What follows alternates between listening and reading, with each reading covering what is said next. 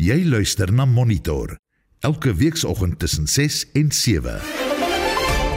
In vanoggend se program fase 6 beurtkrag sal tot minstens môre toegepas word. Die Gautengse premier maak groot beloftes om misdaad te bestry en politieke partye deel hul verwagtinge vir môre se begrotingsrede. Welkom by Monitor onder redaksie van Jean Estreisen. Die produksieregisseur vanoggend is Daitron Godfrey en ek is Udo Karlse.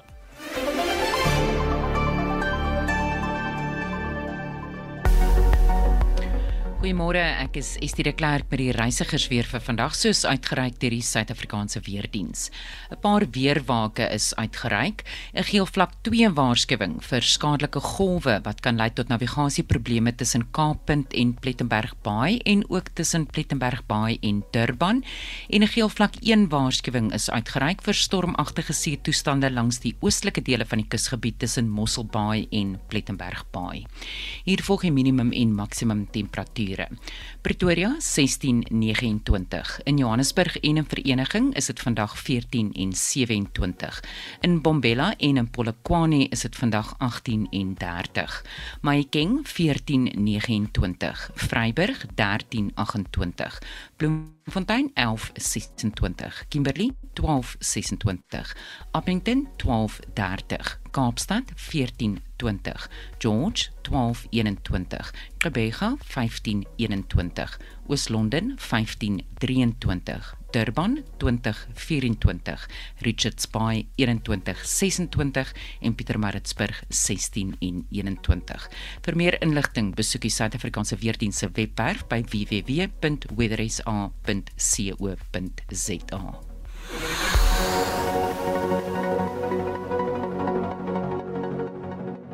Daar is geen verkeer. Die paai is nog stillerig vanoggend, maar ons begin in Gauteng en Johannesburg op die N12 Oos net voor die Tom Jones afrit. Is 'n motor aan die brand aan die linkerkant van die pad en twee bane word daar versper. En in Mpumalanga op die N4 tolkonssessie tussen die Malelaan wisselaar en Buffelsstraat versper 'n vragmotor die regterbaan. Indien jy enige ander verkeersnuus het, stuur 'n SMS teen R1.50 en begin daardie boodskap met die woord verkeer.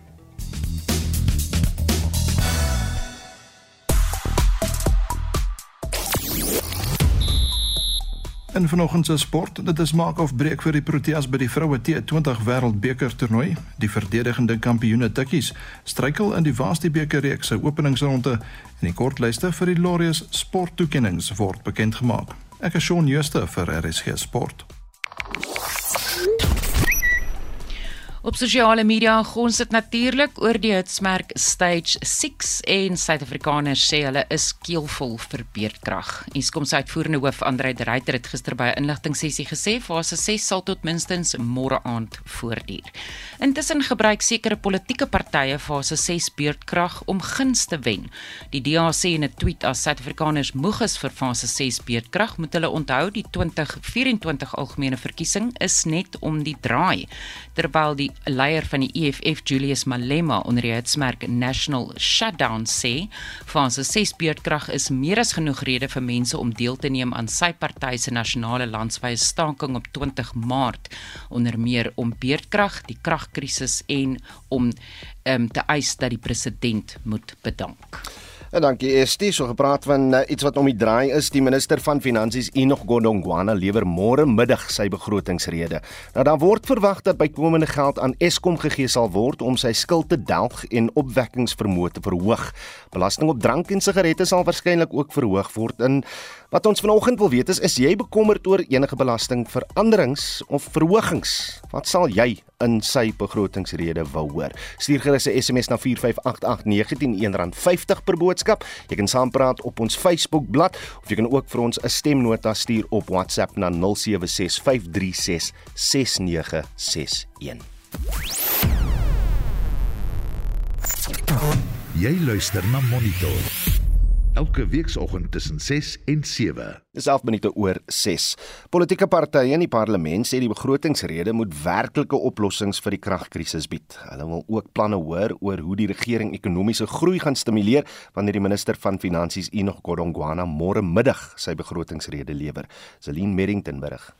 Die minister van Finansies het sekerlik sy hande vol met al die regering se prioriteite, maar Eskom is die een kwessie waarvan almal wil hoor. Die DA woordvoerder oor finansies, Dion George, het weer eens gesê die kragvoorsiener moet geprivatiseer word. The DA reiterated its call for the privatization of Eskom and the opening up of the energy sector to independent power producers. In the interim, Eskom must prioritize the streamlining of its procurement processes while letting in massive private capacity to power a growing South Africa. By opening up the energy sector, innovation and voluntary action will keep the lights on and the wheels of the economy moving towards the growth rate needed to address declining economic participation. Sy mening word beamoen deur die Vryheidsfront Plus LP Wouter Wessels. Waterloos daar sal stel wat die skade wat die ekonomie ly as gevolg van beerdkrag en in besonder sakeondernemings en huishoudings lei dat daardie skade gemitigeer word deur maatreëls binne die fiskale raamwerk. Dit sal insluit belastingverligting en ook insentiewe en subsidies wat betref die oorskakeling na hernubare energie toe. Die IFP LP Alfas Buthelezi sê sukkelende staatsbeheerde ondernemings moet gedeeltelik geprivatiseer word. South Africans are asking what has happened to all the billions of rands sent in the wrong direction for bailouts after bailout in collapsing state-owned entities. We hold firm view that SOAs must be partially privatized as the IFP. The announcement by the president that the post office will be a state-owned bank flies in the face of all taxpayers in this country. We cannot throw money at our problems where the state of our economy is in disarray. Maar die ATM woordvoerder Zaman Chona meen daar is geen hoop dat die begroting planne teweeg sal bring wat 'n verskil kan maak nie. The ATM is expecting more big talk, pie in the sky promises and contradictions. The minister in his last budget speech raised concern about the spiraling Eskom debt and undertook to work on sustainable solutions to deal with the ESCOM debt in a manner that is sustainable and fair to all the stakeholders. Instead, the minister is part of the cabinet decision that undermined revenue inflows for ESCOM through allowing prime clients of ESCOM, like mines, viable municipal metros, to generate their own electricity. This means the ESCOM capability to generate its own revenue to service its debt has been undermined with the blessings of Minister Godongwana. Dit was die ATM woordvoerder Zaman Chona, Zelin Merrington, Parlement. Kom ons praat nou verder oor die verwagtinge rondom Godongwana se begrotingsrede en sy plan spesifiek vir Eskom met 'n besoekende professor aan die Universiteit van die Witwatersrand se Sakeskool, Jannie Rousseau. Jannie, goeiemôre. Goeiemôre Oudo en goeiemôre aan die luisteraars. Eskom se skuld sit hier uh, teen 422 miljard rand. Is dit noodsaaklik vir die kragvoorsieners se voortbestaan dat die regering 'n aansienlike bedrag van die skuld uh, gaan delg? Ja, Oudo, dit is ontstellend dat Eskom se skuld sedert die einde van Maart 2022 reeds met meer as 5% toegeneem het tot hierdie vlak van 422 miljard. Dit is nou duidelik dat Eskom nie met hierdie skuldlas in sy huidige vorm kan voort bestaan nie. Eskom kan nie so opereer nie. Dis duidelik dat Eskom op die oomblik geld leen om operasionele uitgawes te dek en daarom sal die een of ander herstrukturering moet kom. Ek moet net haas om te sê as die herstrukturering kom, as Eskom se balansstaat verbeter word, moet ons waak daarteen dat Eskom nie weer die magte moet kry om net daardie geld teen sy eie balansstaat by te leen. Ek het nou net gesê het wanneer hy in sy mediumtermyn begrotingsrede gesê eh, dat as as die uh, balansstaat of die skuld op Eskom se balansstaat verhaal gaan word, gaan hy vir ons duidelikheid môre gee oor hoe Eskom nie weer kan gaan leen nie. Hierdie herstrukturering waarvan jy praat. In, in watter vorm kan dit eintlik plaasvind? Wel Eskom se ledensbevoegdheid sal aan bande gelê moet word waarskynlik deur regulasie of by wyse van wetgewing. Eskom kos ons baie geld en daarom is belastingbetalers geregtig daarop om te weet presies wat daar aangaan en presies hoe Eskom se magte beperk gaan word. ons kan, soos ek sê, ons moenie weer eindig waar ons nou is nie. Ons regering moet ook 'n fyn lyn loop want die regering was tot op hede nog versigtig om 'n groot reddingsboei aan Eskom te gee omdat ander staatsondernemings dan ook daarvoor kan vra. Ons dink hier aan Transnet SAL en uh, die SAIK. Kan enige van die openbare ondernemings dan ook geld verwag in hierdie begrotingsrede? Wel, uh, baie van hierdie staatsondernemings het reeds in die verlede geld gekry, byvoorbeeld SAA oor die laaste 5 of 6 jaar so wat 30 miljard rand se hulp. So as dit staatsondernemings is wat finansiële probleme het, is die staat die aandeelhouer en dis die staat alparty wat moet help. My oplossing egter is dat die staat moet ontslaa raak van hierdie staatsondernemings. Ek het 6 jaar terug gesê gee SAA weg, gee Danel Danel weg. Daar's nie regtig 'n rol vir so 'n onderneming in Suid-Afrika nie. Uh, gee Elexkor weg en op die stadium lyk dit vir my of die enigste pad uit Eskom se probleme is om dele van die kragopwekkingskapasiteit te verkoop om sodoende Eskom se balansstaat finaal te herstruktureer. En dan net laastens uh, die president het in sy staatsrede gesê 25 miljoen Suid-Afrikaners ontvang een of ander vorm van inkomste ondersteuning van die regering. Wat kan ons verwag in terme van maatskaplike toelaas en hoe gaan dit verhaal word? Ja, die verwagting uh, Oudo is dat maatskaplike toelaas verhoog gaan word en dit sal natuurlik met belastingverhogings moet gepaard gaan om dit te befonds. Die staat kan nie meer geld leen as op die oomblik nie. Die staat leen op die oomblik sowat 'n miljard rand per dag om aan die gang te bly.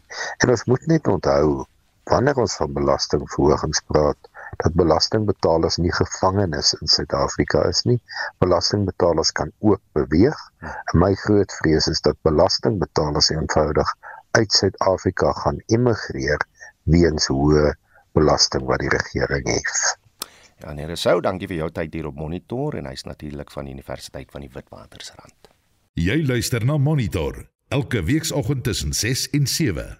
Die Suid-Afrikaanse Suikerrietkwekersvereniging het die parlementêre staande komitee oor finansies versoek om die nasionale tesourie se beleid oor die gesondheidsheffing op die bedryf noukeurig te moniteer.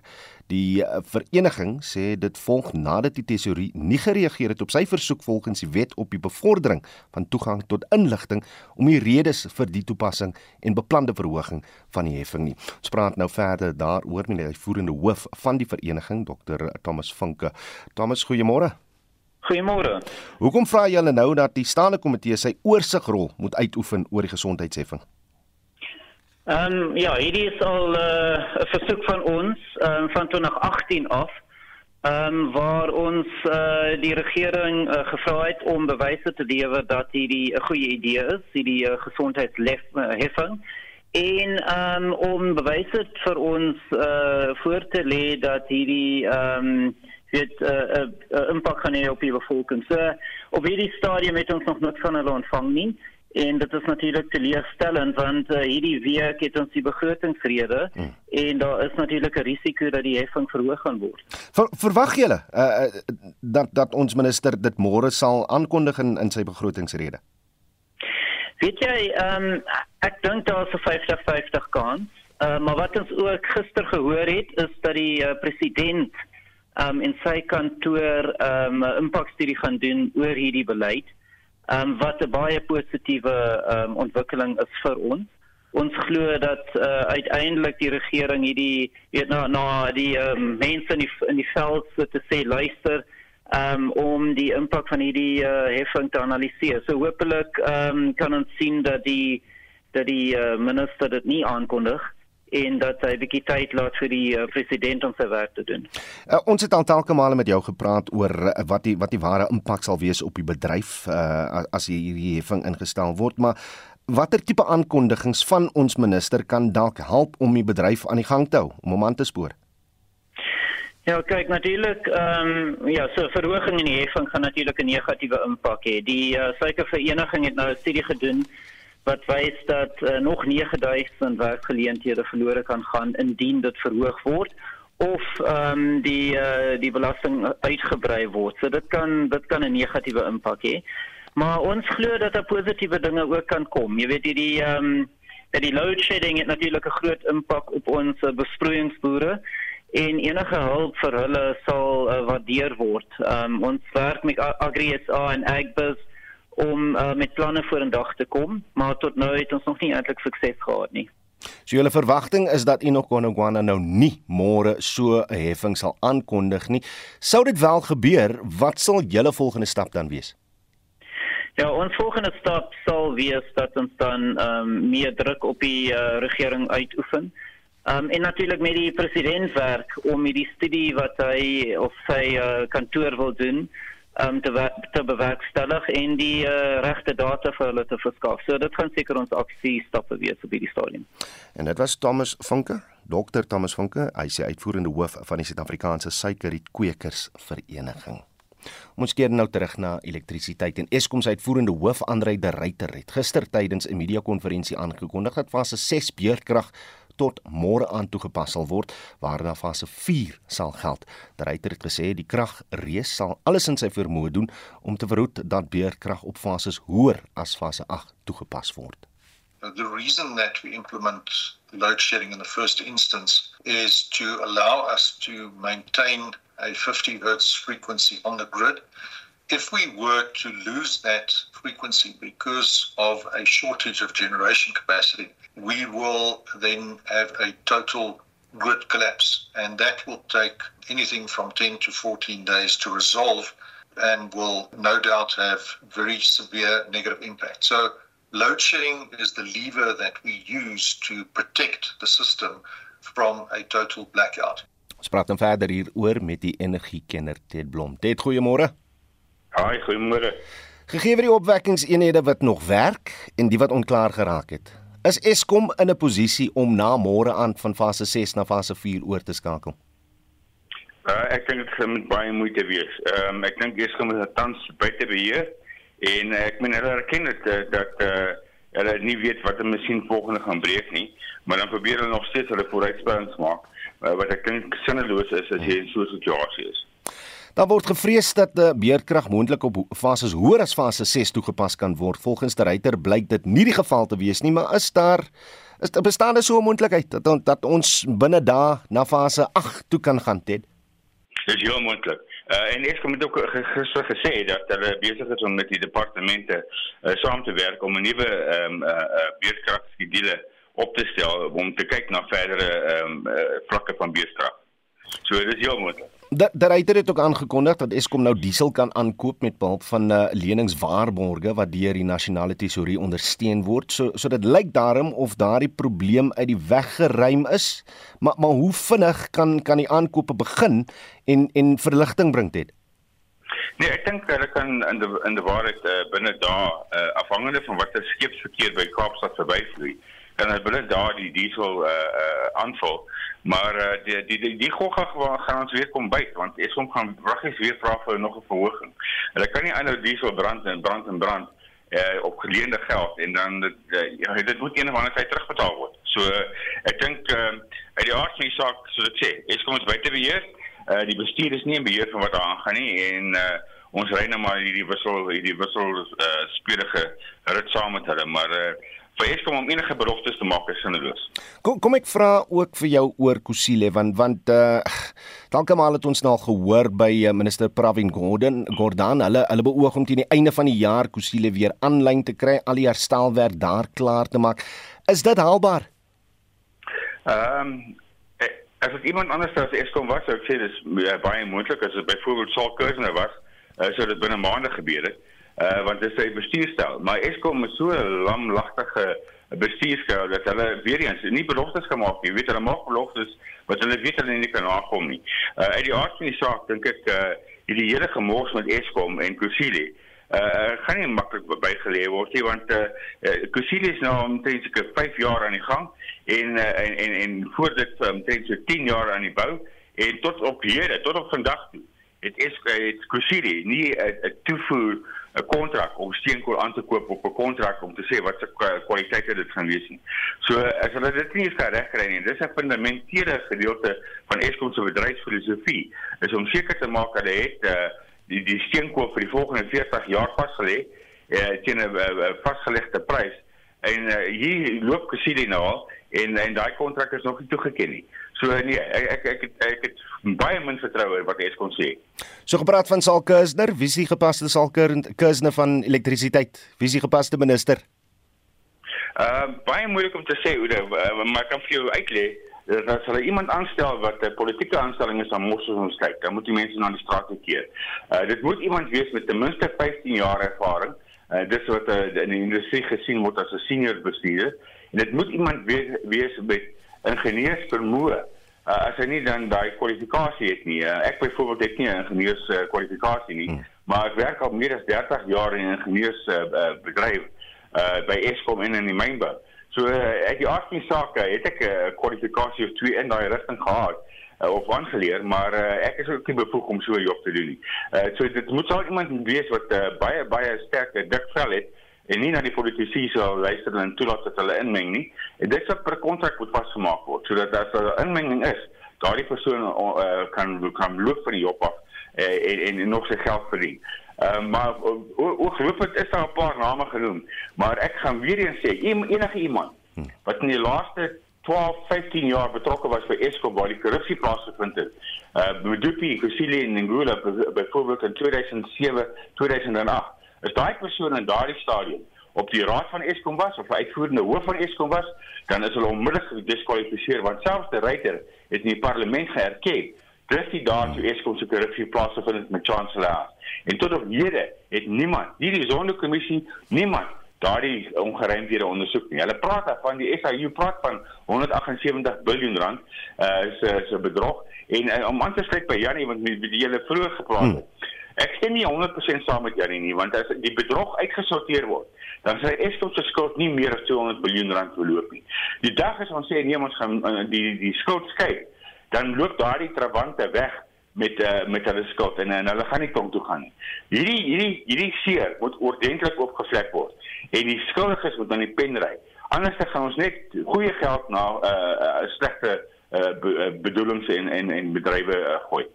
Energiekenner Ted Blom, dankie vir jou tyd hier op Monitor. Jy luister na Monitor elke weekoggend tussen 6 en 7. Byna 6:30 en in die nuus. Die Gautengse regering het 1,2 miljard rand bewillig om oplossings vir die provinsie se kragkrisis te vind en fase 6 beurtkrag gaan ten minste tot môre middag toe voortduur. Bly ingeskakel. Daar is geen verkeer. In Kaapstad op die R300 Noord by die N1 afrit in die rigting van die stad is druk verkeer verwag vertragings in daardie omgewing en op Beitenpaulweg is daar seesand op die pad en dis nou in Kaapstad en die padoppervlak lyk redelik glad daarso so wees maar versigtig as jy daar bestuur. In Gauteng op die N3 suid net na van Burenweg was 'n botsing tussen verskeie voertuie, die linkerbaan word daar versper.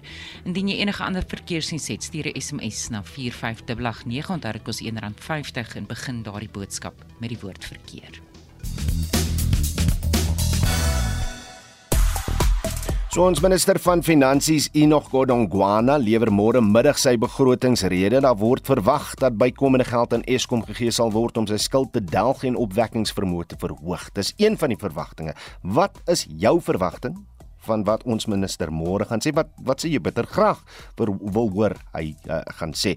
Laat ons weet uh, kom ons kyk eers na die boodskappe op ons Facebook bladsy uh, Stefan van Heerden sê ek is bekommerd dat die besluit by mense lê wat geen versindheid het nie uh, wat nie die landsburgery eerste stel nie. Okay is nou nie jy's 'n verwagting nie maar uh, Johan Eberson gee vir ons een. Hy sê dis hoogtyd dat kerke belas word 'n interessante siening daar. Desiree Sauer sê dat ons kan sien wat is die uitgawes en hoe word ons gelde gebruik en uh, soek 'n inkomste en uitgawes staat. Uh Jean Smith sê maar niemand praat oor SASSA elderly over 60 years old nie 'n verhoging per maand van minstens R1500 nie niks minder nie, maar die hele ANC het hulle jaarlikse verhoging reeds gekry. Hulle kan dit bekostig as ANC spooke en die diewe wat in SASSA werk nie hul vriende, hulle hele familie opskryf vir SASSA nie. So sê Jean Smith. En uh, net so een of twee boodskappe nog uh Olivier Kritzinger sê dat LPS en veral die kabinet en president se vergoedingspakkette met 'n hoër persentasie inkomstebelasting belas word, gesien in die lig van die swak toestand waarin ons land haarself bevind. Julle SMS se deur na 45889 R50 per boodskap. Jy kan saampraat op ons Facebook bladsy en jy kan ook vir ons 'n stemnota stuur op uh, WhatsApp op 0765366961.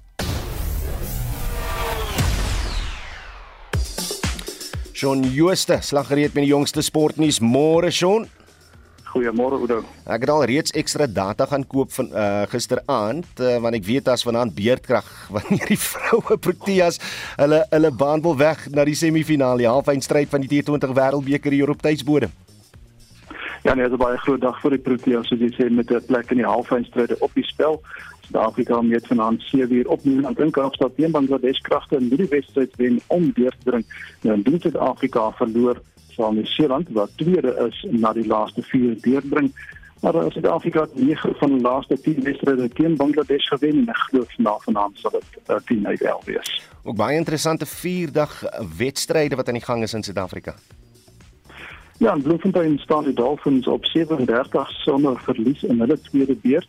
Dit is teen die Knights met 'n voorsprong van 125 aan die Johannesburg begin die Lions dag met die op 19 sonder verlies in hulle eerste beurt in antwoord op die Warriors se eerste beurtstelling van 438 in die wedstryde in Potchefstroom en Pretoria tussen die Northwest Dragons en WP as op die Titans en die Rocks word die reën oorheers en moet nog begin.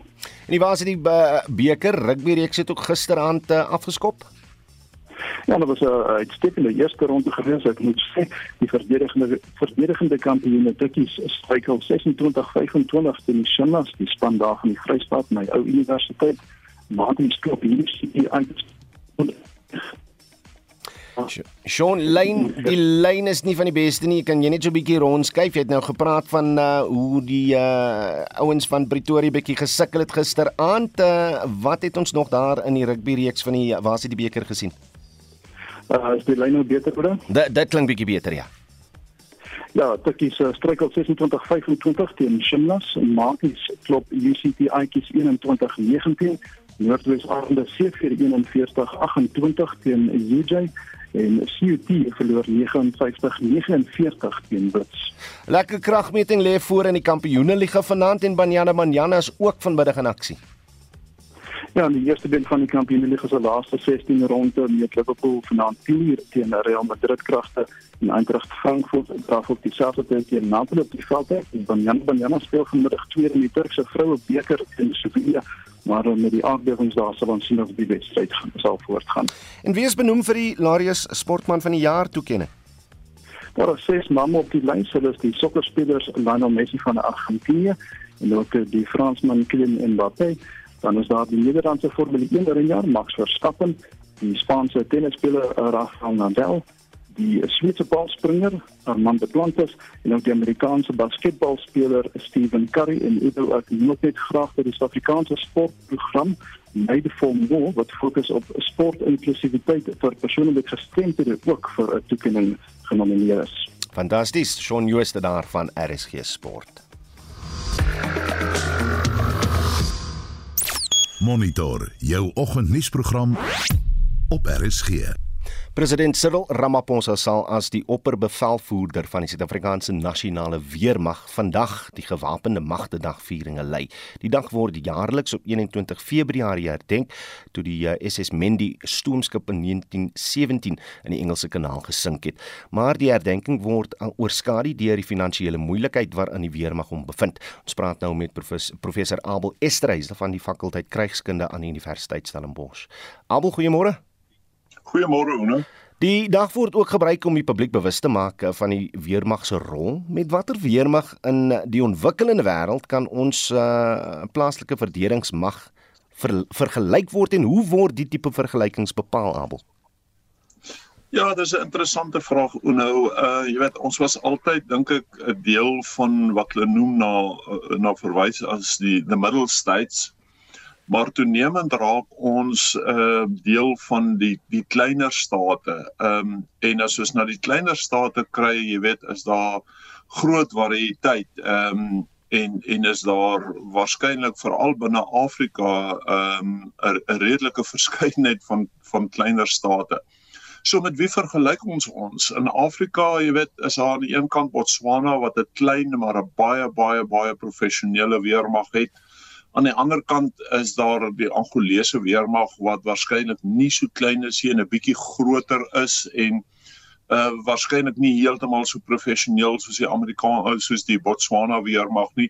So ja, Suid-Afrika uh dis dis interessant uh as jy vergelykings moet begin tref en die vergelyking speel uit ook uh in terme van beide kwalitatiewe en kwantitatiewe realiteite. Met ander woorde, ons kyk na hoeveel tanks en vliegtye en artillerie geskit uh daar in in die in die weermag is, maar jy kyk ook na die kwaliteit van leierskap.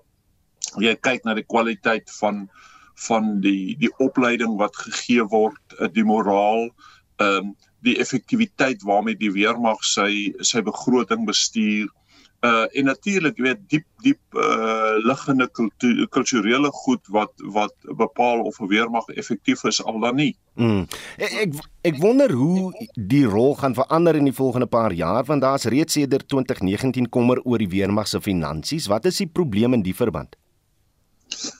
Ja, die die weermag ehm um, uh, jy weet 'n mens moet vra vra rondom is daar probleme met die weermag se finansies? Aan die een kant kan jy argumenteer daar is probleme met die weermag se finansies omdat hulle uh, feitelik hulle hele begroting spandeer op ehm uh, personeel en die die betaling van mense 'n groot deel van hulle begroting 'n kleiner deeltjie gaan aan operasies en feitelik geen uh geld word gespandeer aan aan tegnologie en die opgradering van hulle personeel nie.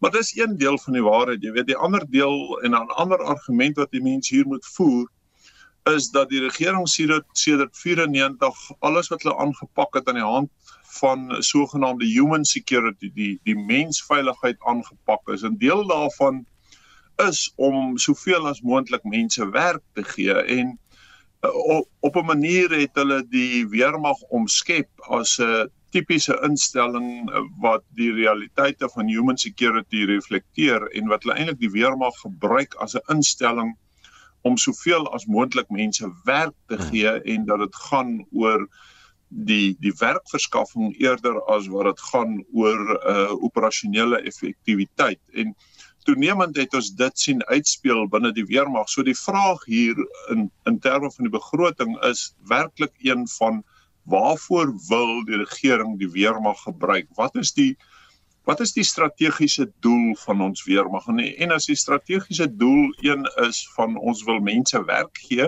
wel, dan moet ons aanvaar dat 'n groot deel van die begroting gaan spandeer word aan salarisse. So gepraat daarvan, want dit's 'n interessante wending. Ons het nou gesien die weermag word gebruik om kragstasies teen sabotasie te beskerm. Uh, as dit die geval is, wie betaal daarvoor? Wa want ons ons het nou gesien die weermag self wil wil soort van 'n ramptaakspan word wat wat deurentyd deur Suid-Afrika gebruik gaan word. Wie betaal daarvoor? Well, die die die idee is dat daar ehm um, wat hulle na verwys is 'n memorandum of understanding moet wees tussen die verskillende departemente en waarskynlik ook die die state owned enterprises ehm um, dat as die weermag gebruik word om sekere take vir hulle te vervul dat hulle die die die begroting daarvoor ook op die tafel moet plaas. Maar in die meeste gevalle gebeur dit nie. Ehm um, En ja, 'n mens moet miskien hier net historiese konteks verskaf hoe nou, jy weet, Suid-Afrika het nog altyd met drie bedreigings moet handel, moet moes handel. Bedreigings van buite Afrika, bedreigings uit Afrika uit en interne bedreigings en interne bedreigings was nog altyd die Suid-Afrikaanse weermag se grootste verantwoordelikheid gewees. Ehm um, tweedens waarskynlik bedreigings uit Afrika uit en wat ons die laaste tyd gesien het is bedreigings uit Afrika uit en interne bedreigings uh die primêre fokus begin raak van ons weermag en daarom die noodsaak om ons weermag en ek beklemtoon noodsaak om ons weermag ehm um, binnelands te ontplooi. Ek dink dit gaan toenemend die rol en funksie van ons weermag raak. Almal ek glad nie om nie. Uno maak my nommer 1, maar as Udo. Baie dankie vir jou tyd hier op Monitor Abel Estreise van die fakulteit Krygskunde aan die Universiteit van Stellenbosch. Monitor jou oggendnuusprogram op RSG.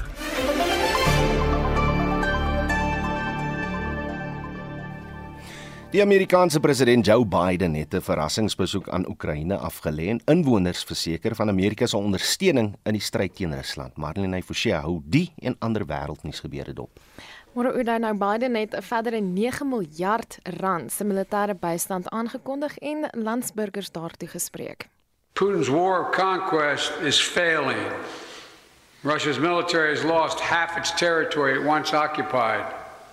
Young, talented Russians are fleeing by the tens of thousands, not wanting to come back to Russia. He thought he could outlast us. I don't think he's thinking that right now. Nou sekuriteitsraadgewer in Amerika en voormalige lid van die Obama-administrasie Jeffrey Stacey sê die verrassingsbesoek van Biden is ongehoord. This was done with immense danger afoot. No U.S. troops on the ground. That's never happened with a U.S. president before. But the strategic value is probably second to the symbolic value for Ukrainians. This is probably their second finest hour. The finest hour will be at the end of the war, and this very much is the beginning, that end. Die Oekraïense president Volodymyr Zelensky het gesê dat 2023 die jaar is waarin die oorlog teen Rusland gaan stop. Nog 'n aardbewing het Turkye gisteraan getref, eh, skaars 2 weke na die verwoestende aardbewings wat dusver meer as 46000 lewens geëis het. Die aardbewing van 6,4 het die Antakya gebied getref met 3 naskokke, waarvan die sterkste een 5,8 gemeet het. Nora Becker van die BBC is op die oomblik op die toneel. We've heard from the Hatay mayor that a number of people have been trapped inside the rubble. There are three rescues ongoing.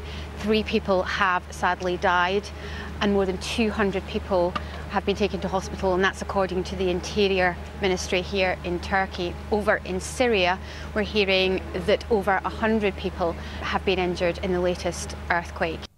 Ons hou verwikkelinge daarop. Intussen saai fratsvloede en modderstortings verwoesting in Brasilië.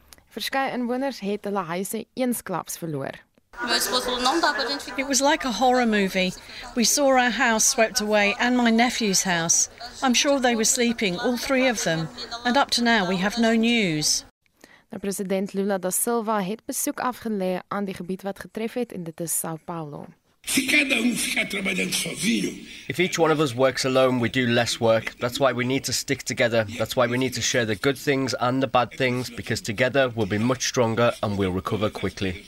En dit was Brasilië se president Lula da Silva. En dit was ons Marlenae Forsie met 'n oorsig van wêreldnuus gebeure.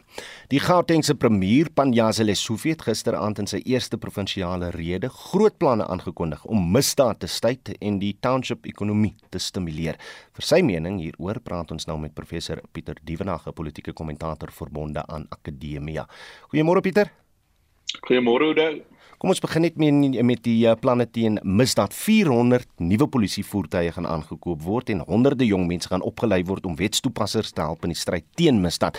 Wat wat my belangstelling getrek het is uh, die ooreenkoms met 10000 privaat maatskappye, sekuriteitsmaatskappye om 'n provinsiale beheersentrum op die been te bring deur die gebruik van wydverspreide kamerastelsels en 'n virtuele paniekknoppie wat nou blykbaar aan ons almal beskikbaar gaan wees. Uh Eh, die uitvoering van hierdie voorstelle is noodsaaklik in 'n plek soos Gauteng, maar is dit haalbaar? Kyk, dit is uh weer eens, jy weet, uh Oudo, 'n geval van goeie baie woorde, ehm um, uh mooi retoriek, uh groot planne, maar ek het uiteindelik gaan die uh, gaan dit oor dade gaan en en is dit uh moontlik om so iets te doen? Dit is maar die groot vraag wat 'n mens sal ehm uh, wil beantwoord sien. Ehm um, ek dink dit is in beginsel 'n uh, goeie skuif. Dis een van die meer positiewe goed wat, wat meneer Lesofie in sy rede gegee het. Maar Gauteng, ek moet eerlik vir jou sê, uh as jy nou met die gewone man op straat praat, dan dan gaan dit nie goed goed in Gauteng nie en, en jy self as uh, ek is nou in gesprek met jou baie luisteraars woon ook in Gauteng. Jy weet mense ervaring is een van van misdaad en en misdaad wat buite beheer is. So mense hoop maar net hierdie planne kan op een of ander manier in dade omskep word. Ehm uh, maar ek uh, ek ek sal eers versigtig hieroor oordeel om voordat ek sê maar ek dink hierdie is nou baie opwindend. Die die Gautengse regering het ook 1,2 miljard rand bewillig aan om om oplossings vir die provinsie se kragkrisis te vind. Is daar besonderhede oor hoe die geld gebruik gaan word? Nee, dit is dit is nie baie duidelik nie. Nou goed, alle provinsies en en alle metro's moet eintlik met planne na vore kom en ek dink van die beste planne het al uh, is in Kaapstad en in die Wes-Kaap het dit na vore getree. So ek dink Gauteng ehm um, ek ek wonder of of meneer Lesofie nie dit maar ook net daar gesit het as 'n baken van hoop, maar weer eens uh ek weet nie of die geld genoeg is nie en ek weet nie of ehm um, die planne rondom die energiekrisis en hoe dit om in in 'n stad en 'n gebied soos Gauteng of 'n stad soos Johannesburg en ook in Tshwane omgewing, jy weet om dit om dit werklik waar te realiseer nie. Ek weet nie of 1.2 miljard rand enigsins uh 'n hond daarof sal maak aan die intense kragkrisis of energiekrisis waarin ons sit nie. En dan weer eens iets wat noodsaaklik is, die bou van nuwe skole. Uh 6 miljard rand is uh, te syde gestel vir die uh, uh, bou van 80 nuwe skole. Kan kan ons werklik 80 nuwe skole bou vir 6 miljard? Nee nee, ek dink nie dis dis so uh, uh, maklik nie. Kyk, skole uh gaan oor beplanning. Ehm um, uh dit is iets wat jy oor 'n uh, oor 'n 5 tot 10 tot 20 jaar 'n uh, beplanning moet hê oor skole. Nou jy skielik oor ons 80 skole en daar 60 miljard rand. Dis vir my ehm um, te vinnig, te maklik weer woorde. Daar's nie duidelike beplanning hier nie. Daar's ook nie eintlik onderhoud van skole nie en daar die geld is is nie genoeg ten minste vir uh die ambisieuse projek nie. Ehm um, miskien as jy hierdie jaar 6 miljard het en in ander jare 6 miljard en so aan, dan kan jy omvangryk beplan en kan jy in die rigting van 80 skole gaan. Net 'n laaste punt hier uh Oudo. Dis natuurlik onder sy ehm um, portefeulje LER van onderwys. Dis nou meer Lesofie, hy's nou 'n groot uh hy's nou met groot vanvare die premier van Gauteng, maar dit was onder sy um, bestuur van onderwys in Gauteng dat die haglike situasie ontstaan het dat geen skole gebou is en hy het gefokus op werkende skole om hulle te intimideer. So hy het 'n verskriklike slegte baanrekord wanneer dit kom by onderwys in Gauteng en om nou van 6 miljard rand te pr praat en hy wil 80 skole bou, maar daar's geen plan op die tafel nie. Dit klink vir my net na blote politiekery. Professor Pieter Dievenage, ek sê vir jou dankie vir jou tyd op Monitor. Hy's 'n politieke kommentator verbonde aan Akademia. Dis vandag internasionale moedertaaldag en die klem word gelê op die bewaring van moedertale en die verskillende dialekte. 'n Groot voorstander van Afrikaans Nama is Lentjie Jaars. Mitsie van der Merwe het met Jaars gepraat oor haar liefde vir die taal. Kyk, ek is 'n gebore Namapelander, ek is op Springbok gebore en ek het skool gegaan daar en Ek het vir 'n goeie tyd van my lewe daar deurgebring en ek is nog steeds verskriklik lief vir Namakoland se werk wat my hier in die Kaapse kant het. Sy betrokkeheid van my by die taal of by Afrikaans of by Nama of so kom van die feite dat dit is my kom vandaan en dit is wat ek geleer het vandat ek 'n uh, eh, skoolkind was tot nou toe nog. Ek meen ek leer nog elke dag. Gee vir my die geskiedenis van die Nama taal. Dis iets wat ek nie geleer het nie. Ek kan verwys na dit wat ek weet en as gevolg van my werk het ek voorregte om baie plekke te besoek om in die Richtersveld 'n bietjie te gaan kuier by die Namme hoofstad wat Kubus is en daar kon ek 'n bietjie met hom Gert links gesels het wat op sigself 'n kenner is van die taal, 'n kenner is van die kultuur en so aan. Ek het nie die voorreg gehad om die taal te leer nie dit wat ek weet van dit is maar die woordjies wat 'n mens opgetel het hoe die groot mense met mekaar gepraat het. Vertel bietjie vir my woordjies. Die woordjies wat waar basies in volksmond vir ons bekend is, is byvoorbeeld die woord soos korro.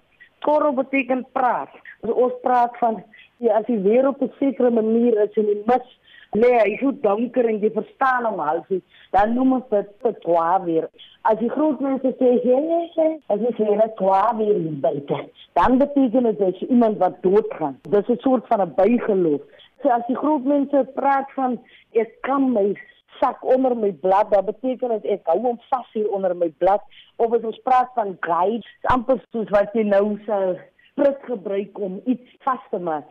Kom, as mamma goed vir jou gesê het, sê die kind wat doen jy so? Maar beteken dit kom ek jy nie reg gewas nie, want jy net is nog swart jou elmboog is nog swart hier onder of of sê jy elmboog na maklan of sê jy koenie of jy koenie.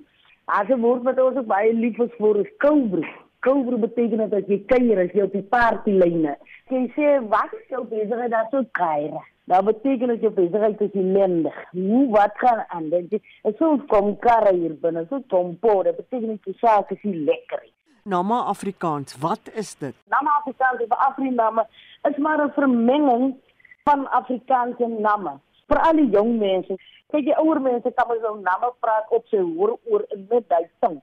Nou jonger mense het mos nou nie noodwendig die namataal aangeleer nie, maar dit wat aangeleer was was maar 'n woord wat jy gehoor het en dan hoor jy wat beteken die woord en dan gebruik jy daai woord in 'n sin net Afrikaans. En kyk ons het mos nou maar Afrikaans groot geword. Afrikaans is my taal. Afrikaans is die taal waarin ek droom. Afrikaans is die taal wat ek praat. Afrikaans is die taal van my hart.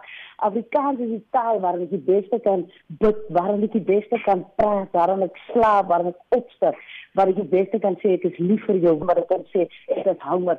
So as 'n makkel aan sê, sê nie ek is honger nie. Of sê ek is honger, honger. Die namme woordjies soos as ek nou wil met my vriende gesels dan ek sê, "Hoe keer dit nou dan nou vir dit korrate?" Maar ek hulle hoor korrade. Dan sê ek in die krulle, "Ek smaak om hier 'n bietjie met julle te gesels, man." Uh, ek wil 'n bietjie hoor by julle. Hoe gaan dit met julle? Of julle iets wat ek weet? Daai tipe van dinge se. Ja, Felix, die, die elektrisiteit is ons almal 'n bietjie hanger want dit gaan maar bietjie kuier saam met Eskom. Dit was Lentjie Jaar se groot voorstander van Afrikaans name wat met ons Mitsi van der Merwe daar gepraat het. 'n Bekende Suid-Afrikaanse kletsrymer, Keenan Forbes of AKA is in Durban doodgeskiet. Spectrum. Hierdie tipe misdaad is as gevolg van die feit dat hierdie regering van ons op sy hande sit, nie ernstig is om ons mense veilig te hou nie. Ons moet ernstig begin dink aan privaat sektor parallel oplossings vir die induiestorting van polisieering in Suid-Afrika. Daar is baie dinge wat gedoen kan word binne die raamwerk van die wet. Spectrum, elke weekmiddag tussen 12 en 1. Daar is geen verkeer. In Kaapstad op die N7 suid by die N1 afrit in die rigting van die stad is druk verkeer. Verwag vertragings daar. In Gauteng en Johannesburg op die N12 Wesnet na Atlasweg was 'n botsing tussen verskeie voertuie. Die regterbaan word versper, maar verkeer beweeg baie stadig in daardie omgewing. Daar was ook 'n botsing op die N3 suid by van Burenweg. Die linkerbaan word versper en in KwaZulu-Natal op die N2 noord net na die Higginson Hoofweg staan 'n voertuig en die linkerbaan word daar versper. Bestuur veilig waar jy ook al vandag ry.